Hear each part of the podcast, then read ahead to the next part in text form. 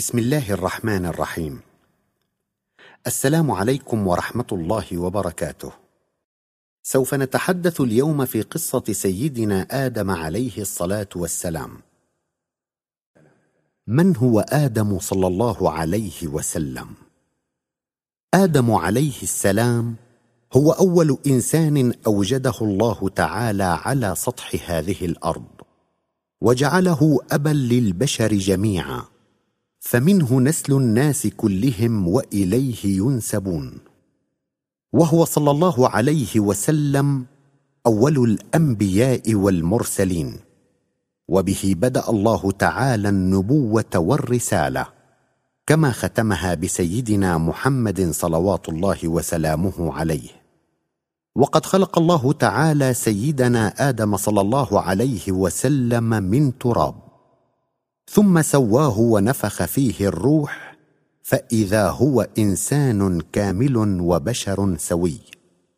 قال تعالى في سورة آل عمران إن مثل عيسى عند الله كمثل آدم خلقه من تراب ثم قال له كن فيكون. وقال أيضا سبحانه في سورة السجدة. الذي أحسن كل شيء خلقه وبدأ خلق الإنسان من طين. وقد بدأ الله تعالى خلق الإنسان من تراب أي من الأرض. لتكون هناك موافقة بينه وبين الأغذية التي منها بناء جسمه وعليها نماؤه. فالنباتات والفواكه والأغذية كلها إنما تنشأ من التراب وإليه تعود. وكذلك جسم الإنسان نشأ في أصله من التراب وإليه يعود. وإلى ذلك تشير الآية الكريمة من سورة طه في قوله تعالى منها خلقناكم وفيها نعيدكم ومنها نخرجكم تارة أخرى. وبما أن الإنسان في عالم الأزل تصدى لذلك المقام العالي. الذي يصل به إلى أسمى درجات المعرفة بربه ويصبح جديرا بنيل أكبر قسط من تجليه تعالى. وحيث أن آدم عليه السلام كان في ذلك اليوم العظيم من أولئك الرجال الصادقين الذين اشتقوا بإقبالهم العالي على الله العدل والحكمة والرأفة والرحمة وسائر صفات الكمال. لذلك اختاره ربه بما علمه فيه من صدق وسبق في ميادين الحب والإقبال. وبما علمه فيه من الاستعداد للكمال لأن يكون خليفته في أرضه. يبلغ الناس بالنيابة عنه تعالى شريعته التي فيها خيرهم وسعادتهم. كما يكون لهم سراجا منيرا يشهدون بصحبته كمال وجمال من هو في الأصل منبع كل جمال وكمال. ذلك هو مقام الخلافة الذي كان عليه آدم عليه السلام حقيقا به وأهلا له.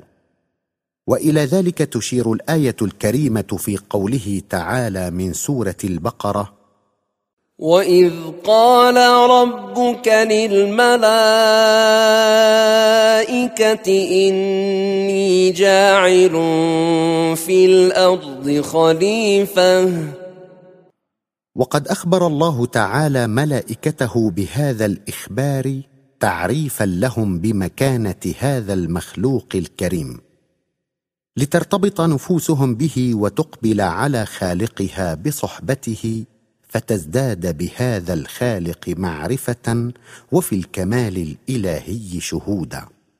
وحيث أن الملائكة رأوا ما فعله إبليس وذريته من قبل وما ظهر من الفساد في الأرض قالوا في أنفسهم أتجعل فيها من يفسد فيها ويسفك الدماء؟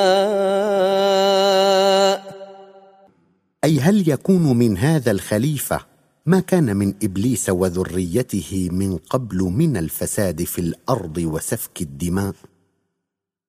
إنهم طلبوا في سرهم الخلافة لأنفسهم لما يعلمونه من صدقهم مع خالقهم وعدم ميلهم إلى ما سواه.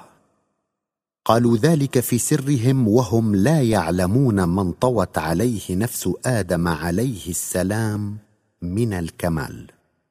كما لا يعلمون ما اشتمل عليه قلبه من الحب العالي لربه وسبقه إياهم في ذلك المضمار سبقا لا يدانيه فيه أحد منهم أجمعين. ولذلك خاطبهم ربهم بقوله قال إني أعلم ما لا تعلمون. وبما أن الله تعالى لا يعطي أحدا من الخلق إلا ضمن العدالة وبما يظهر منه من الاستعداد والأهلية وحيث أن الأنفس لا يمكن أن ترتبط بأحد إلا إذا عاينت تفوقه عليها وشهدت سبقه شهود عيان. لذلك أراد تعالى أن يري الملائكة أهلية آدم عليه السلام وما وقر في نفسه من كمال وما انطوى عليه قلبه من حب لخالقه. فخلقه تعالى كما ذكرنا من قبل من طين. ثم سواه ونفخ فيه الروح. فإذا هو إنسان مثلنا لا يختلف عن واحد منا في تركيبه الجسمي في شيء. ونظر سيدنا آدم عليه السلام ساعة اذ في نفسه. ونظر فيما حوله من آيات الكون ونظامه فاهتدى لخالقه وقدره تقديرا. شاهد صلى الله عليه وسلم من حكمة الحكيم ومن علم العليم وقدرة القدير ورحمة الرحيم وغير ذلك من الأسماء الحسنى ما جعله يهيم في محبة خالقه سابحا ويستغرق في شهود كماله تعالى استغراقا. وإن شئت فقل صار لآدم عليه السلام بإقباله العظيم على ربه معرفة بأسمائه تعالى كلها. معرفة لم يتوصل إليها الملائكة المقربون جميعا. وإلى ذلك تشير الآية الكريمة في قوله تعالى وعلم آدم الأسماء كلها. اذا فليست معرفة الأسماء التي استحق بها آدم عليه السلام أن يكون خليفة الله في أرضه معرفة أسماء الحيوانات والنباتات والقصعة والوعاء. كما يتبادر إلى أذهان بعض الناس. إنما هي معرفة أسماء الله الحسنى جل جلاله. والآن بعد أن علم آدم من أسماء الله الحسنى ما علم أراد تعالى أن يبين للملائكة الذين طلبوا الخلافة لأنفسهم منزلة آدم عليه السلام وأنه حقيق بأن يتسنم هذا المقام وبأن يكون لهم إماما يدخلون بمعيته على الله.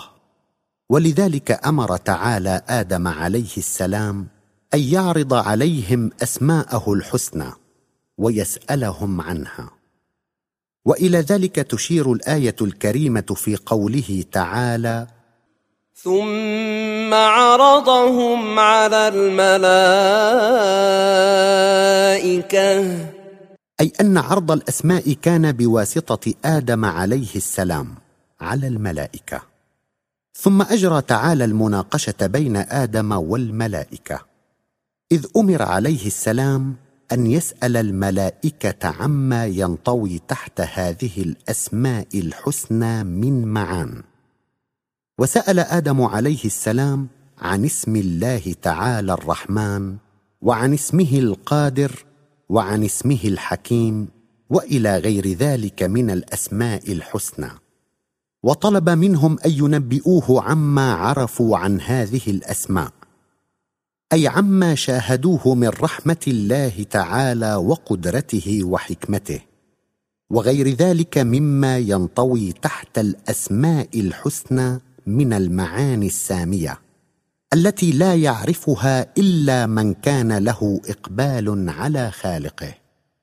وإلى هذه المناقشة بين آدم عليه السلام وبين الملائكة تشير الآية الكريمة في قوله تعالى فقال أنبئوني بأسماء هؤلاء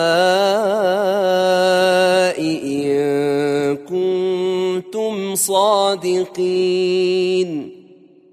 أي أن الله تعالى أمرهم أن يبينوا ما عندهم من المعرفة عن كل اسم من هؤلاء الأسماء الحسنى التي عرضها عليهم آدم عليه السلام.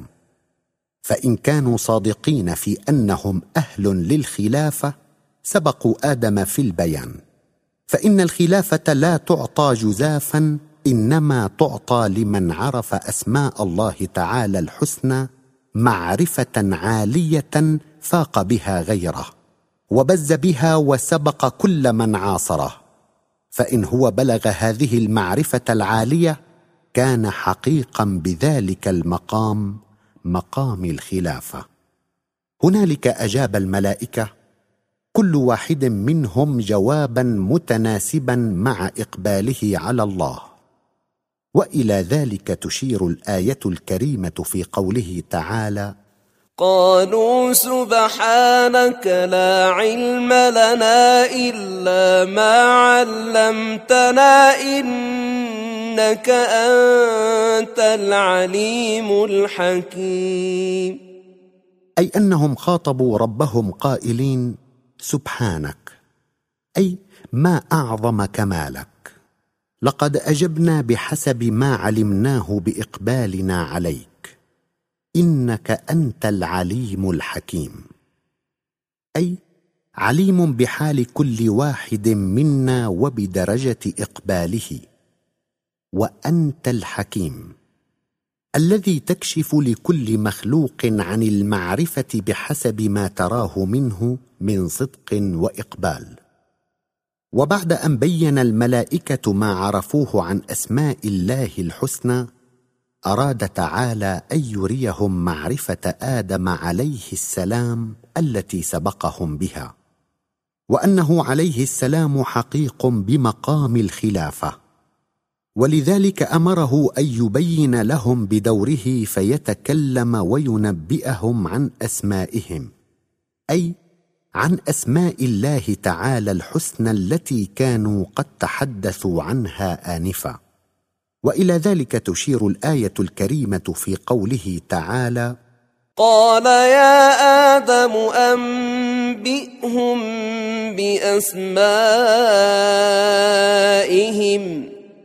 أي تكلم أنت لهم عن الأسماء الحسنى التي كانوا شرحوها وتكلموا عنها. هنالك أخذ آدم عليه السلام.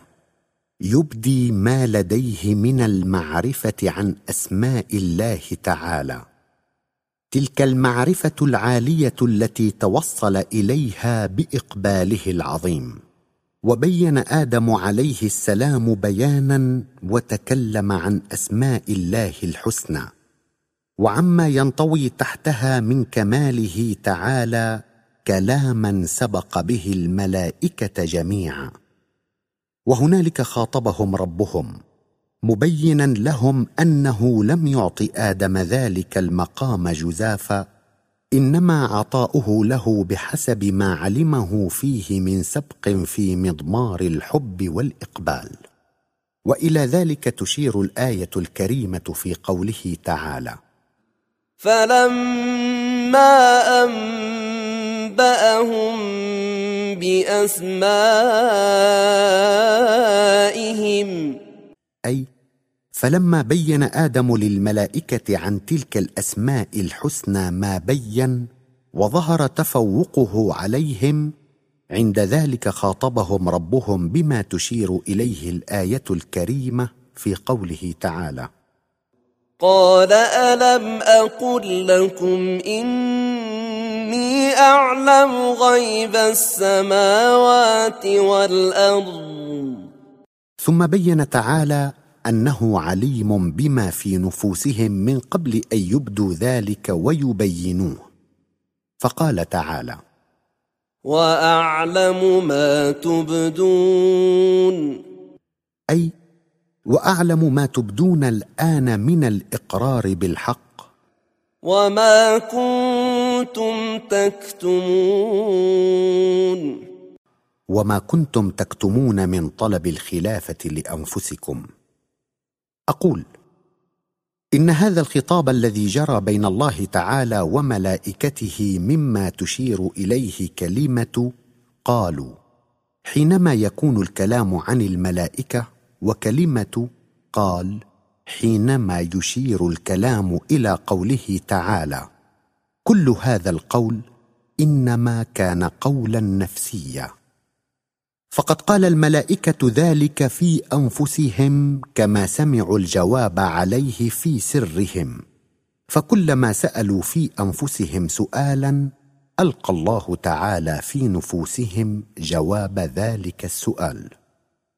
ونعود الآن إلى القصة التي نحن بصددها فنقول لما ظهر للملائكة سبق آدم عليه السلام وتفوقه عليهم في المعرفة والإقبال على الله هنالك أمرهم الله تعالى أن يقبلوا عليه بصحبة آدم عليه السلام. فيتخذوه سراجا منيرا لنفوسهم واماما لهم في إقبالهم على خالقهم. وإلى ذلك تشير الآية الكريمة في قوله تعالى واذ قلنا للملائكه اسجدوا لادم. وليس المراد من السجود انحناء الرأس أو وضع الجبهة والكفين والقدمين على الأرض كما يفهمه العامة من الناس.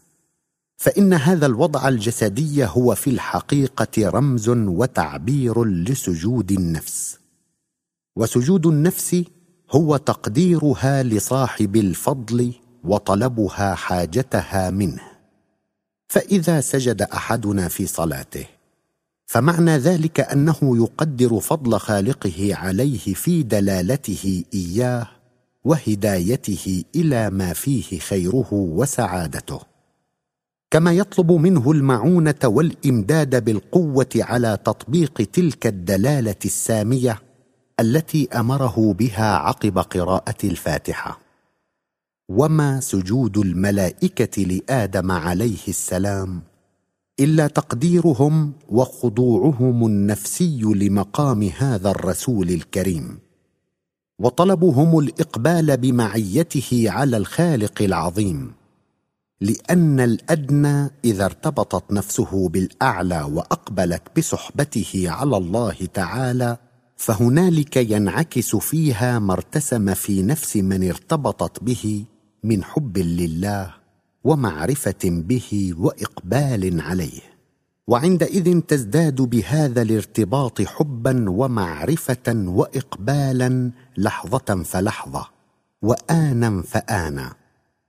وتلك هي حقيقة الشفاعة. والشفاعة هي ارتباط نفس بنفس وصحبتهما معا في طريق الإقبال على الله.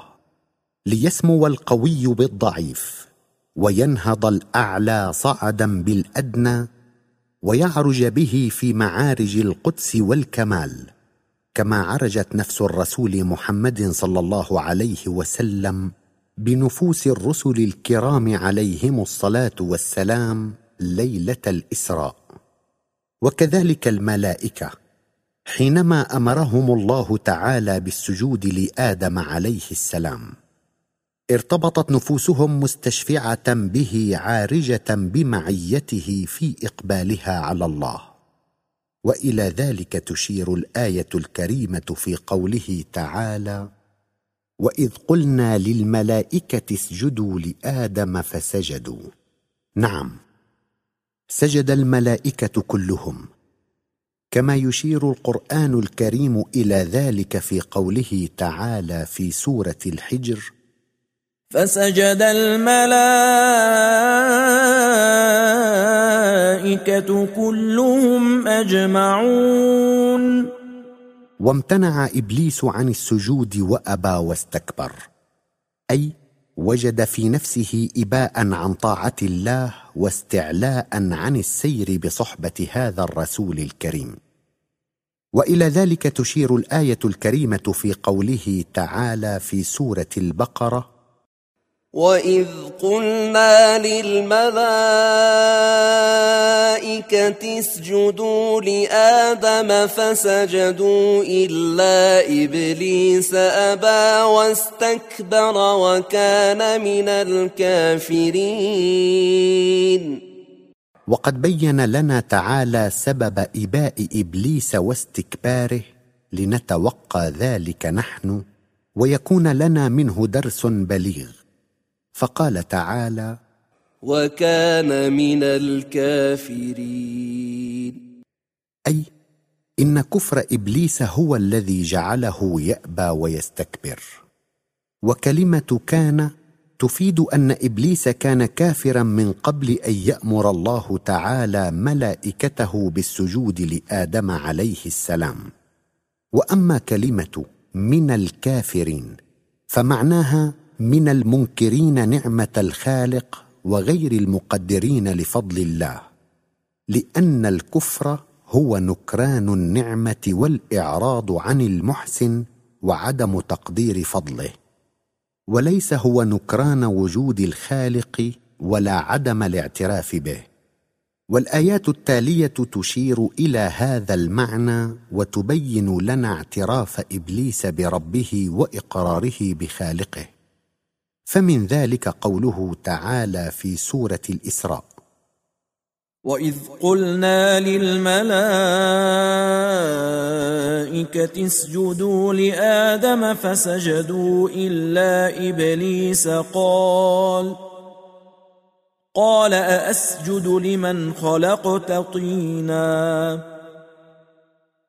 وقوله تعالى في سورة الأعراف قال أنا خير منه خلقتني من نار وخلقته من طين.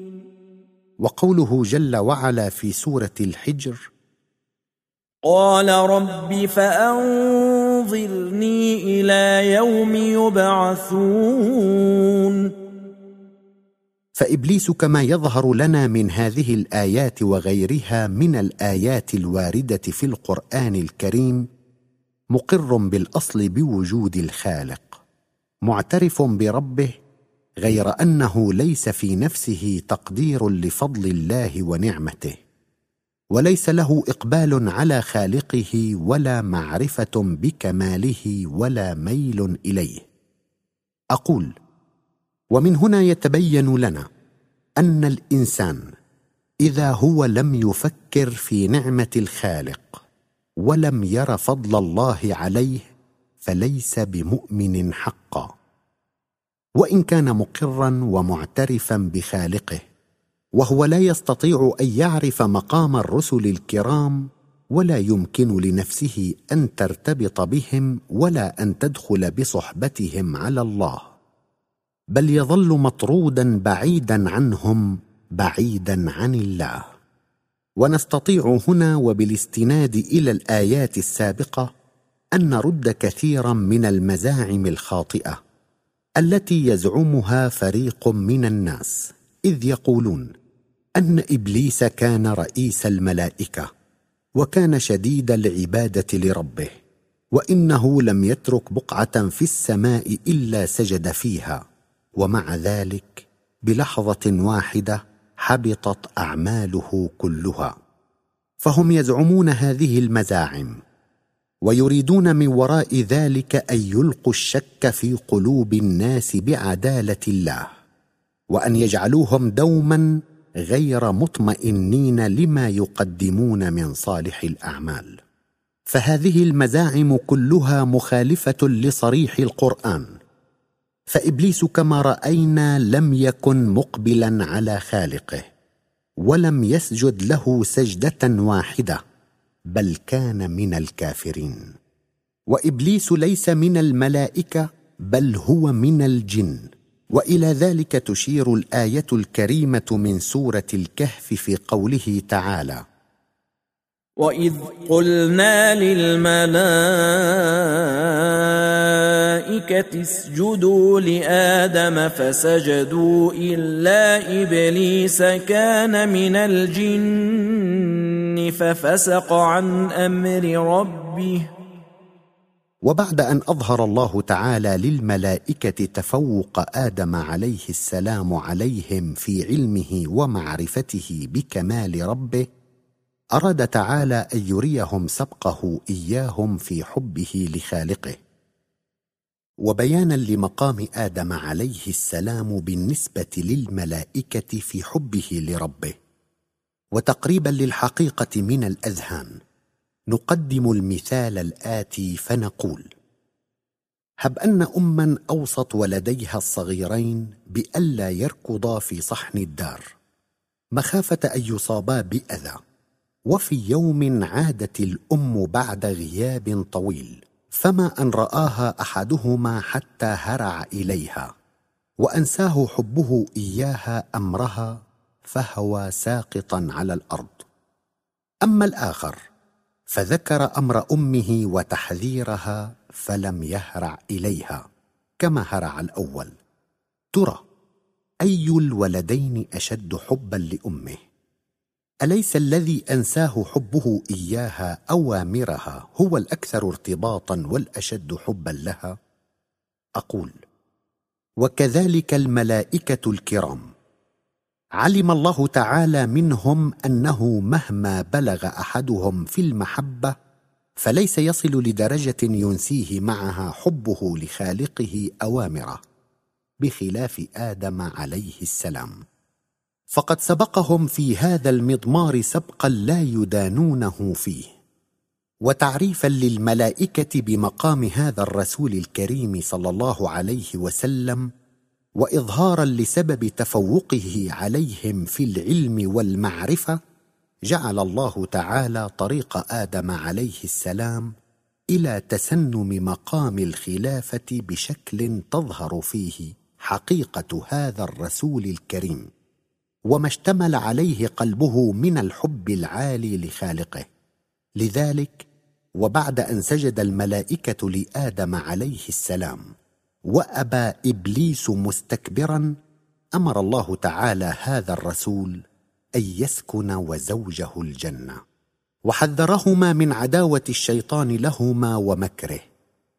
وإلى ذلك تشير الآية الكريمة في قوله تعالى من سورة البقرة وقلنا يا آدم اسكن أنت وزوجك الجنة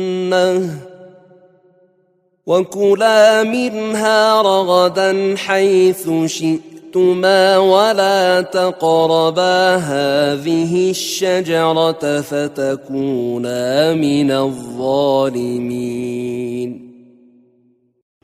وقوله تعالى أيضا في سورة طه فقلنا يا آدم إن هذا عدو لك ولزوجك فلا يخرجنكما من الجنة فتشقى. ولا بد لنا لفهم مقام هذا الرسول السامي من أن نبين مفهوم الجنة. وما ينطوي تحت هذه الكلمة من المعنى الدقيق فنقول ليس المراد من كلمة الجنة قاصرا على ذلك النعيم المادي وليس نعيم الإنسان في الجنة قاصرا على التمتع بذلك المكان الجميل ذي الأشجار الوارفة والأنهار الجارية والفواكه المختلفة والظلال المديدة. فإن هذه الأشياء وما شاكلها من الأشياء المادية لا تجعل من الجنة جنة ما لم يكن الإنسان إلى جانبها في سعادة نفسية وسرور معنوي. وإنه لا بد لمن يقيم في مكان جميل اجتمعت فيه صنوف المسرات من أن يكون مسرورا في داخلية نفسه حتى يشعر بالسعادة ويجد نفسه في جنة. فقد يقيم طالبان في مكان جميل لم تر العين مثله وفيما هما جالسان. يبلغ الأول نبأ نجاحه في فحصه وصدور قرار تعيينه في وظيفة من الوظائف العالية. وأزف موعد فحص الآخر وتأخرت عليه وسيلة النقل التي تصل به إلى مكان الفحص.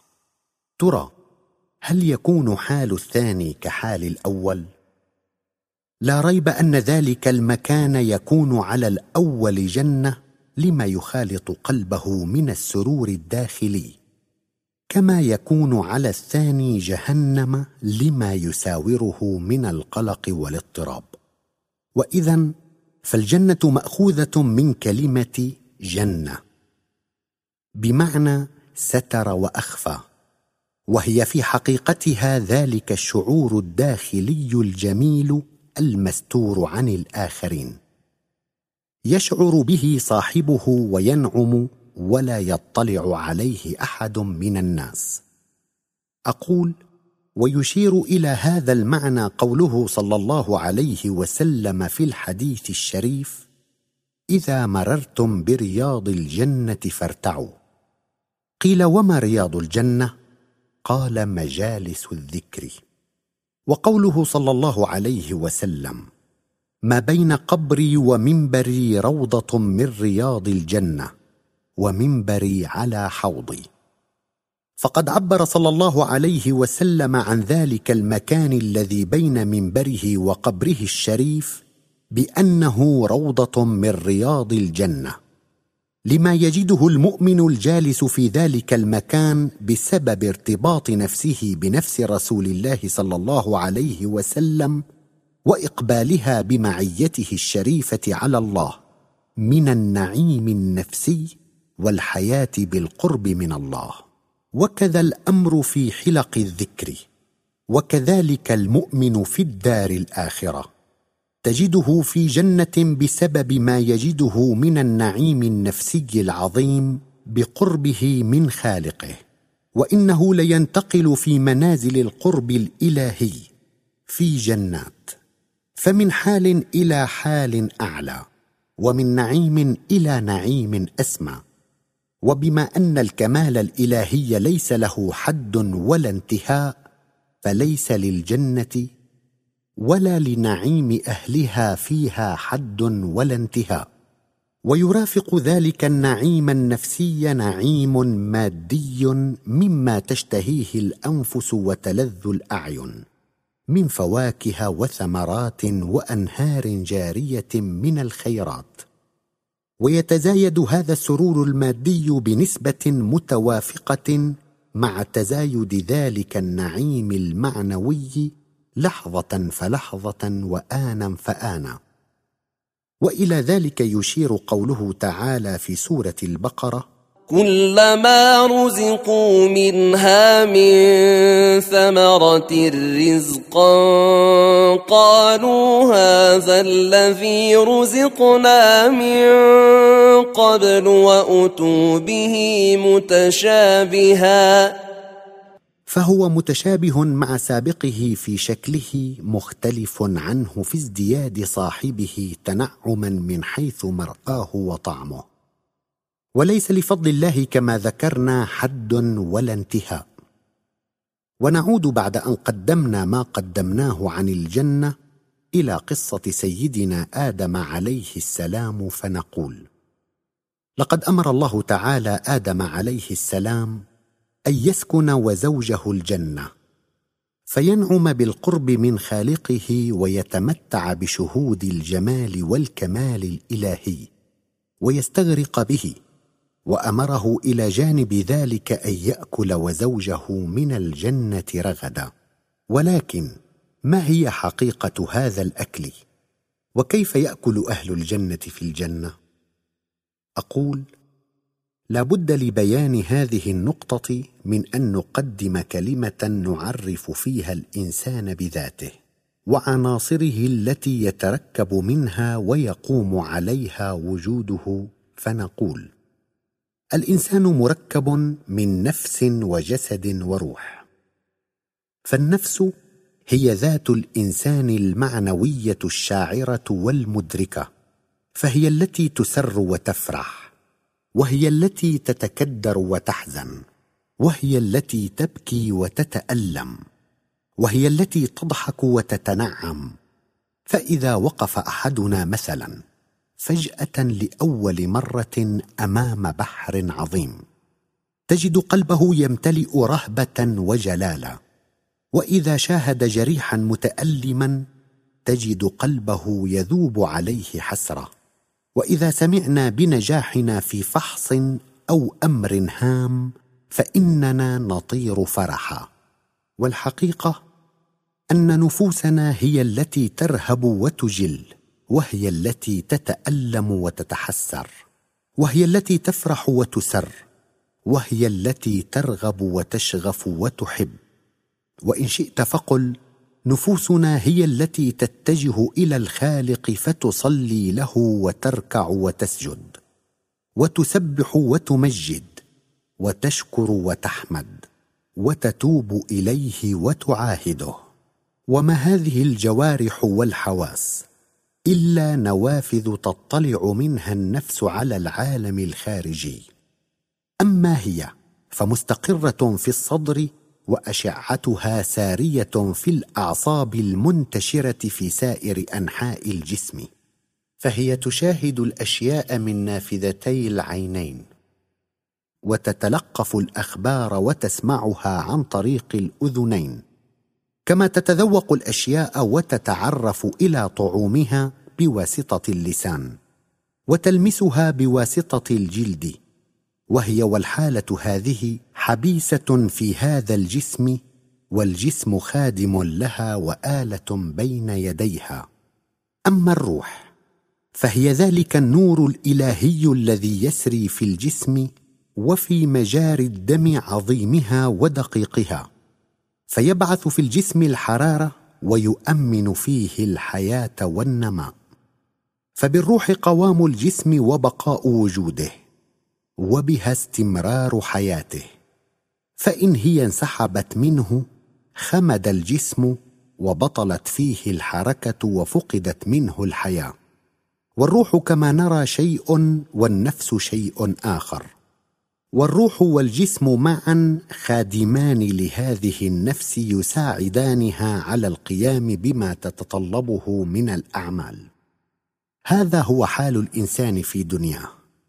النفس في قفص الجسم والروح تبعث في الجسد الحياة والجسم محيط بالنفس كما يحيط القفص بالعصفور وكما تحيط زجاجة المصباح الكهربائي بالشعلة من كل الجهات. أما حال الإنسان في الجنة فعلى العكس.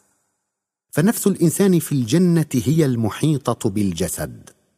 وإن شئت فقل في الجنة تلبس النفس الجسد وتحيط به من كل جهاته فهي ثوبه ونورها محيط به كما يحيط لهب الشمعة بالفتيل.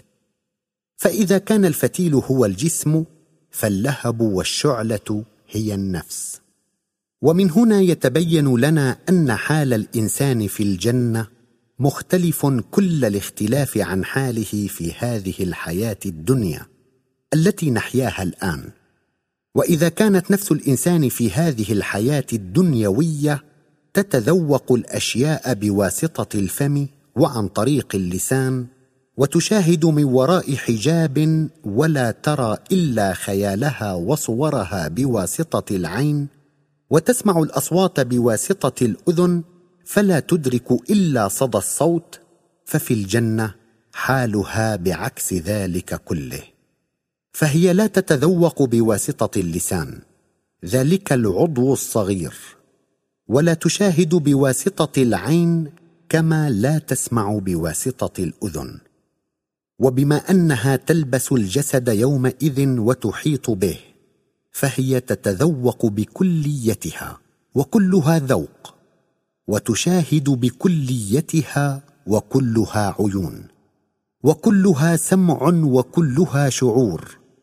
تذوق وتسمع وتنطق وترى بكليتها بصورة مباشرة دون وساطة عضو من الأعضاء. ويكون ذوقها والحالة هذه عظيما وشهودها واسعة ونعيمها تاما. وإذا كان الإنسان في حاله الدنيوي يشبع ولا يعود يجد لذة الطعام بعد تناوله كمية محدودة منه فالإنسان في الجنة لا يشبع ولا يمل من شيء كما لا يجوع ولا يعطش. وإلى ذلك تشير الآية الكريمة من سورة طه في قوله تعالى لك ألا تجوع فيها ولا تعرى وأنك لا تظمأ فيها ولا تضحى. ذلك لأن أشعة النفس بذاتها تسري في الجنة إلى الأشياء وتخالطها كما تسري أشعة الشمس إلى أعماق الماء. فتروي ريا متواصلا كما تمتد إلى الفاكهة والأطعمة وكلها يومئذ ألسنة فتتذوق ذوقا متتاليا وتنعم نعيما متزايدا دون أن تشعر بثقل أو ملل أو شبع. فنعيمها دوما في ازدياد لا ينغصها منغص. وإلى ذلك تشير الآية الكريمة من سورة الرعد في قوله تعالى مثل الجنه التي وعد المتقون تجري من تحتها الانهار اكلها دائم وظلها هكذا كانت حال سيدنا آدم عليه السلام في الجنة. وذلك كان أكله مع زوجه. كانت نفساهما محيطة بجسديهما يأكلان من الجنة رغدا. وهما إلى جانب ذلك في شهود دائمي لجمال الخالق وكماله ونعيم متواصل بهذا القرب من الله. وقد نهاهما الله تعالى. عن أن يقرب الشجرة. لما في ذلك من الظلم لنفسيهما.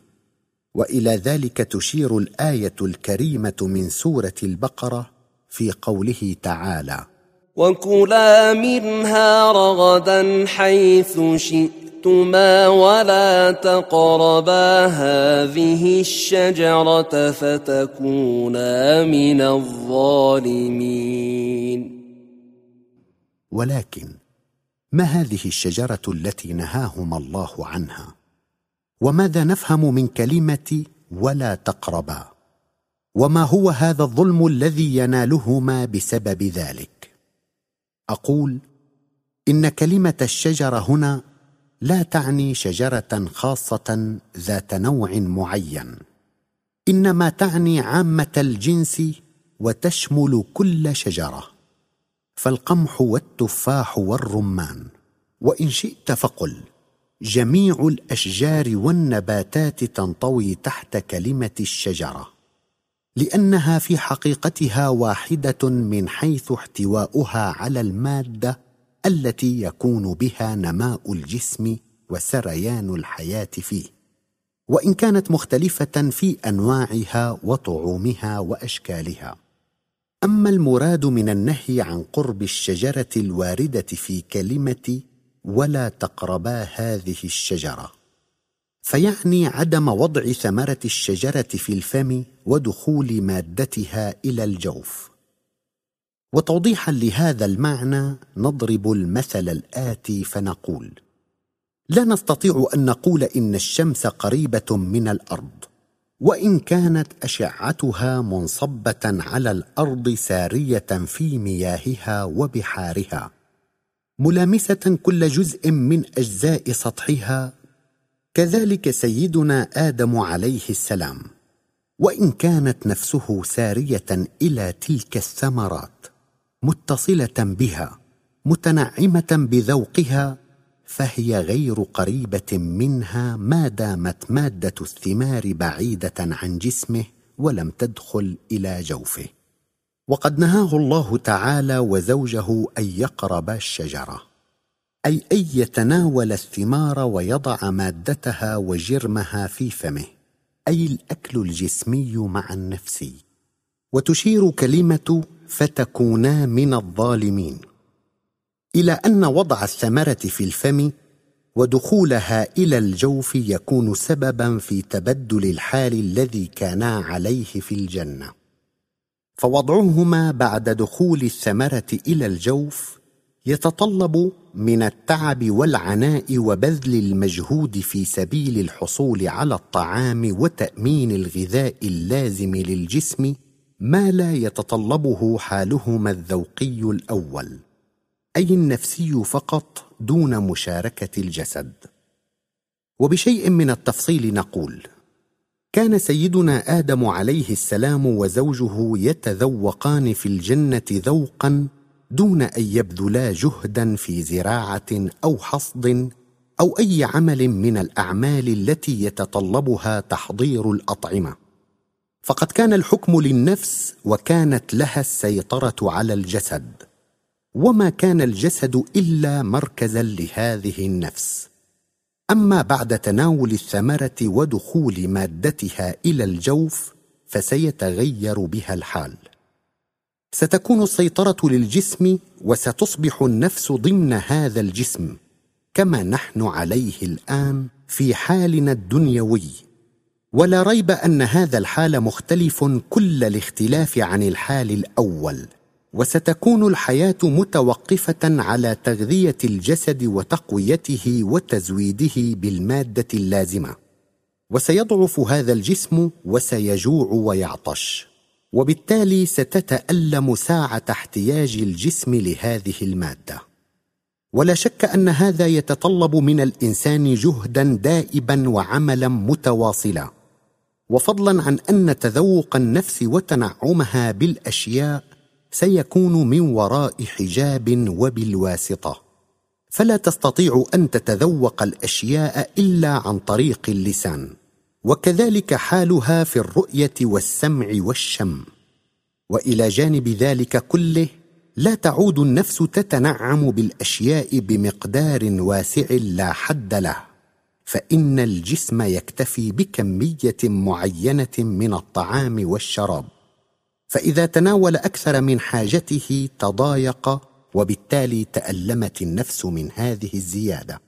وعلى هذا فالذوق في هذا الحال محدود والإنسان مرغم على العمل. لا يستطيع أن يقعد عنه تامينا لحاجات الجسم. وفي ذلك ما فيه من التعب وبذل المجهود وإلى ذلك تشير الآية الكريمة في قوله تعالى فتكونا من الظالمين. وقوله تعالى أيضا في سورة طه فقلنا يا آدم إن هذا عدو لك ولزوجك فلا يخرجنكما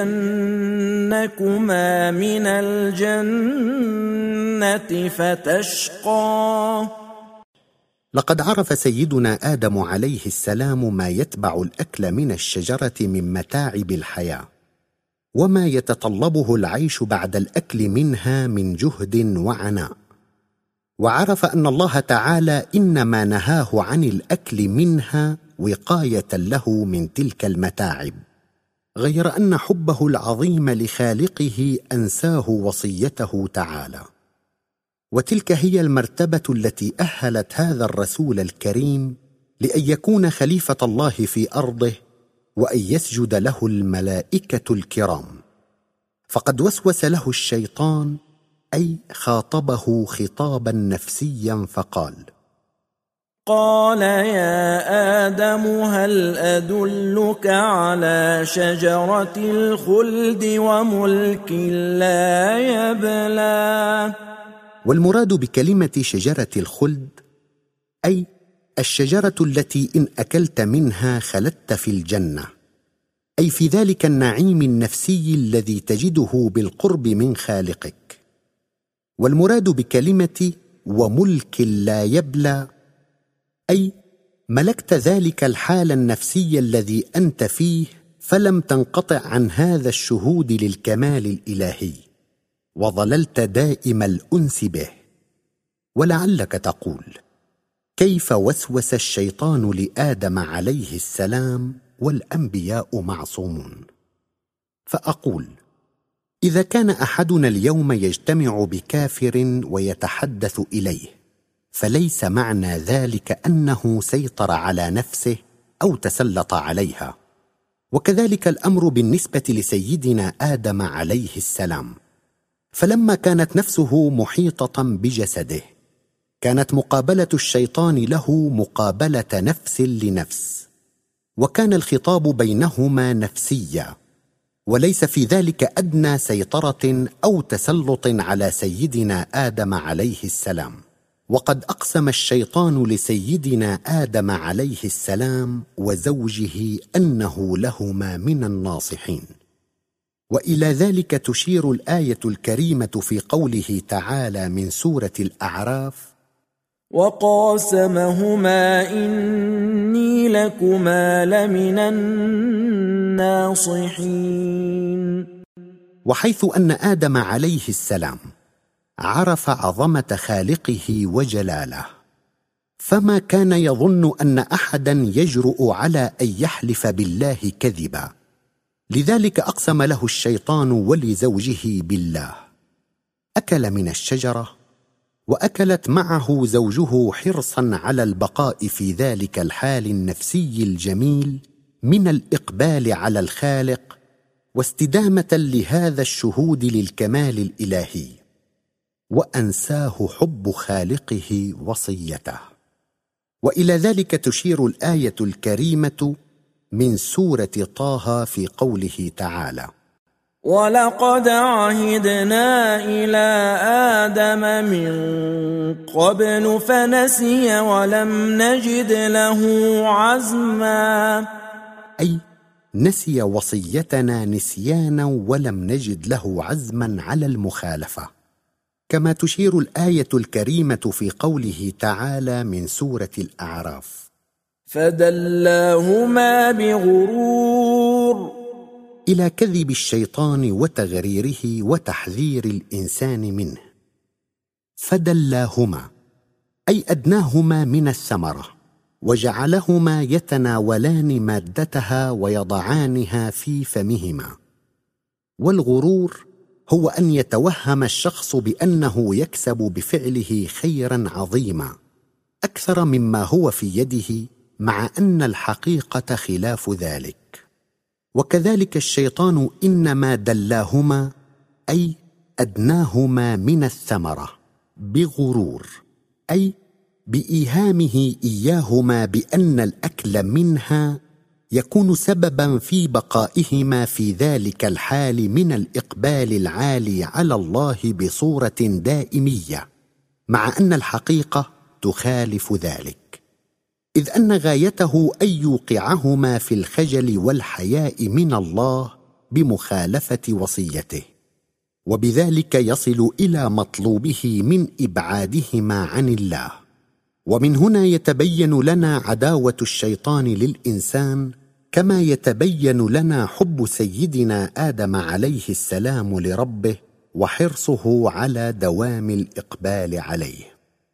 ولكن ماذا أعقب الأكل من الشجرة؟ لقد بين لنا ذلك تعالى بقوله في سورة البقرة فأزلهما الشيطان عنها فأخرجهما مما كانا فيه. فأزلهما الشيطان عنها أي أزلقهما وحولهما عن الجنة. أي عن النعيم النفسي الجميل فأخرجهما من ذلك الحال الذي كانا فيه. وتشير الآية الكريمة في قوله تعالى من سورة الأعراف فوسوس لهما الشيطان ليبدي لهما ما وري عنهما من سوآتهما وقال إلى غاية الشيطان من وسوسته فقد كان يريد بوسوسته لهما أن يسوءهما ويحزنهما بتحويلهما عن الله والإقبال عليه. وبالحقيقة كان الحزن والكرب بعيدا عن آدم عليه السلام وزوجه. إذ كانا مستغرقين في شهود الجمال والكمال الإلهي. وما دام الإنسان في حضرة الله مغمورة نفسه بتجليه عاكفا في شهود جماله تعالى وتجليه فلا يمكن للكرب والحزن أن يتسرب إلى نفسه. غير أنهما لما ذاقا الشجرة ودخلت نفساهما إلى داخل جسديهما انتبها إلى ما صدر منهما. من مخالفة الوصية الإلهية فتحولت نفساهما عن الله خجلا واستحياء.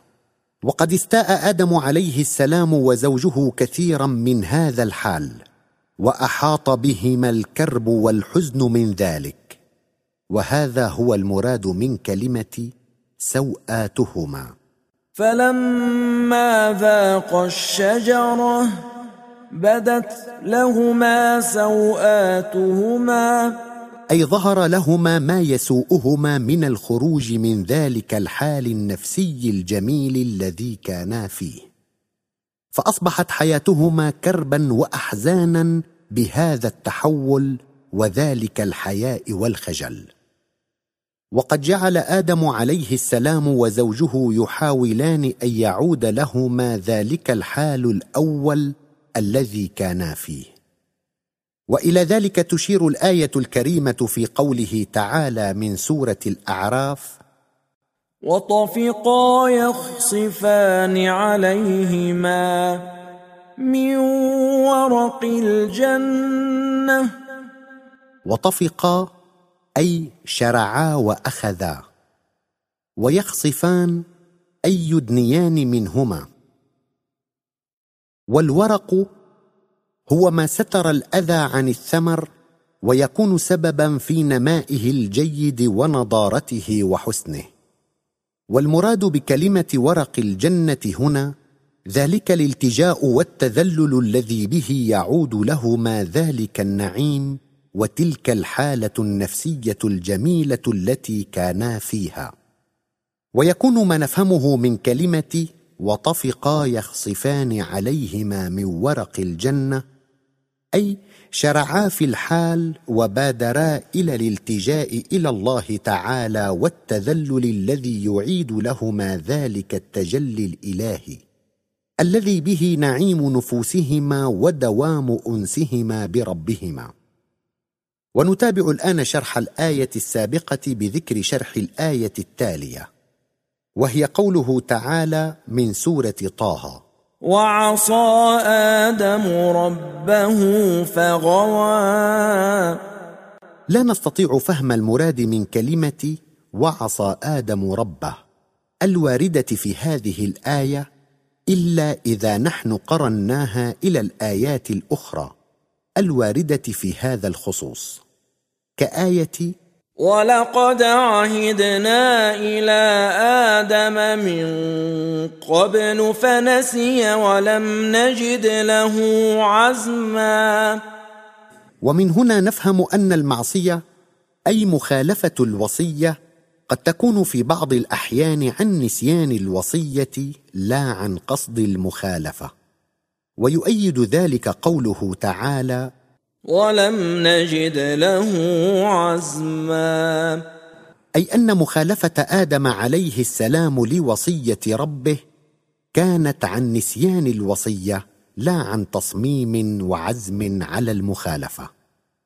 أما كلمة فغوى فإنما هي بمعنى أخطأ الطريق الموصل إلى الغاية المطلوبة.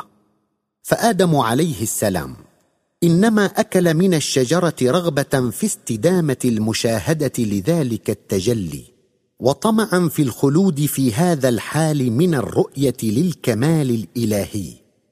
غير أن أكله من الشجرة لم يوصله إلى مقصده هذا.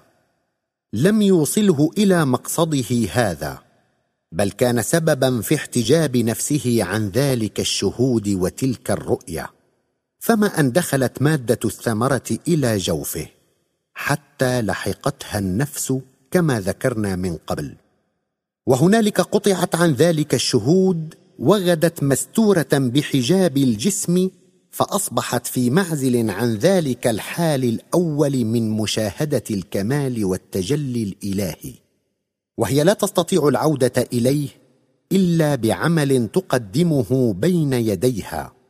فيكون لها منه سبيل إلى التغلب على هذا الجسم وسبب إلى الخروج من عدم الرؤية إلى ميدان الرؤية والمشاهدة. وحيث أن آدم عليه السلام وزوجه أحاط بهما الحياء والخجل من نسيانهما وصية خالقهما فقد لبثت نفساهما محتجبة عن ذلك الشهود. وضاقت نفساهما بهذا الحال ضيقا شديدا وجعلا يلتجئان إلى الله. وذلك مما كنا رأيناه من قبل في قوله تعالى وطفقا يخصفان عليهما من ورق الجنة. والآن وبعد أن بينا المراد من آية وعصى آدم ربه فغوى. نستطيع أن نأخذ منها العبرة التالية.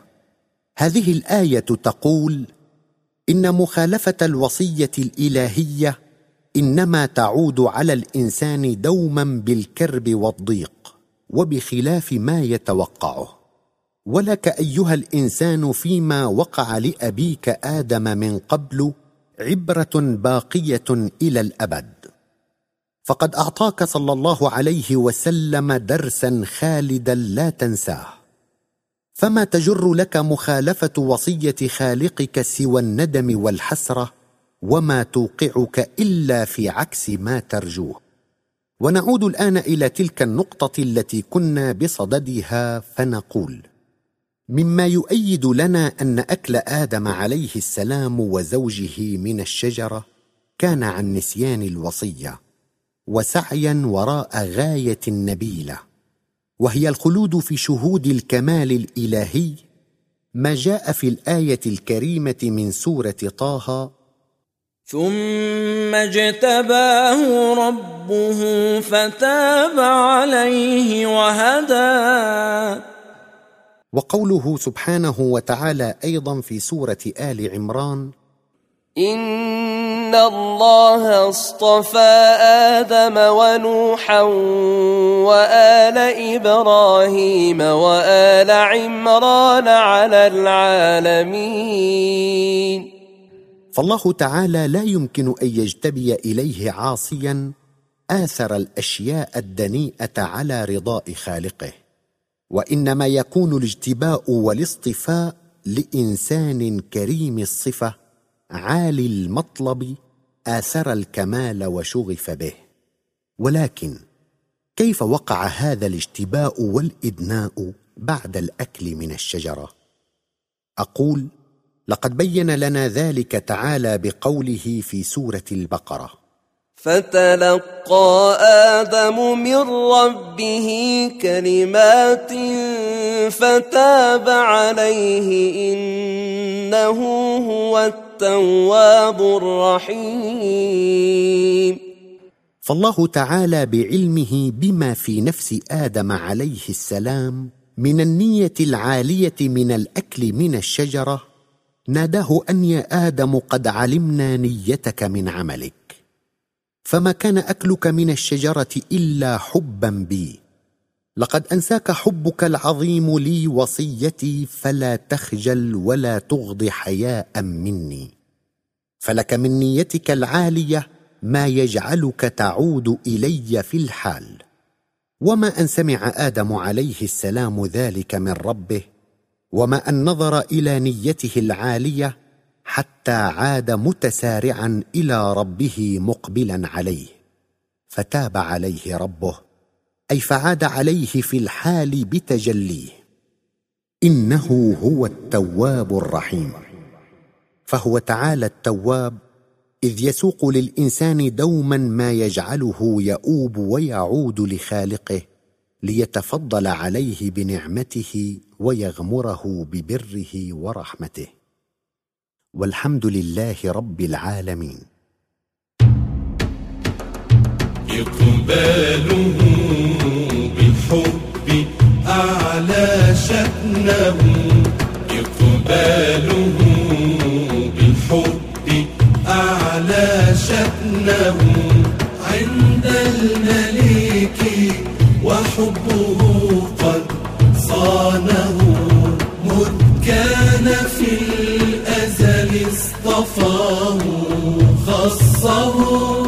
مذ كان في الأزل اصطفاه خصه رب الخليقة بالخلافة زانه رب الخليقة بالخلافة زانه إذ قال ربك للملائك إنني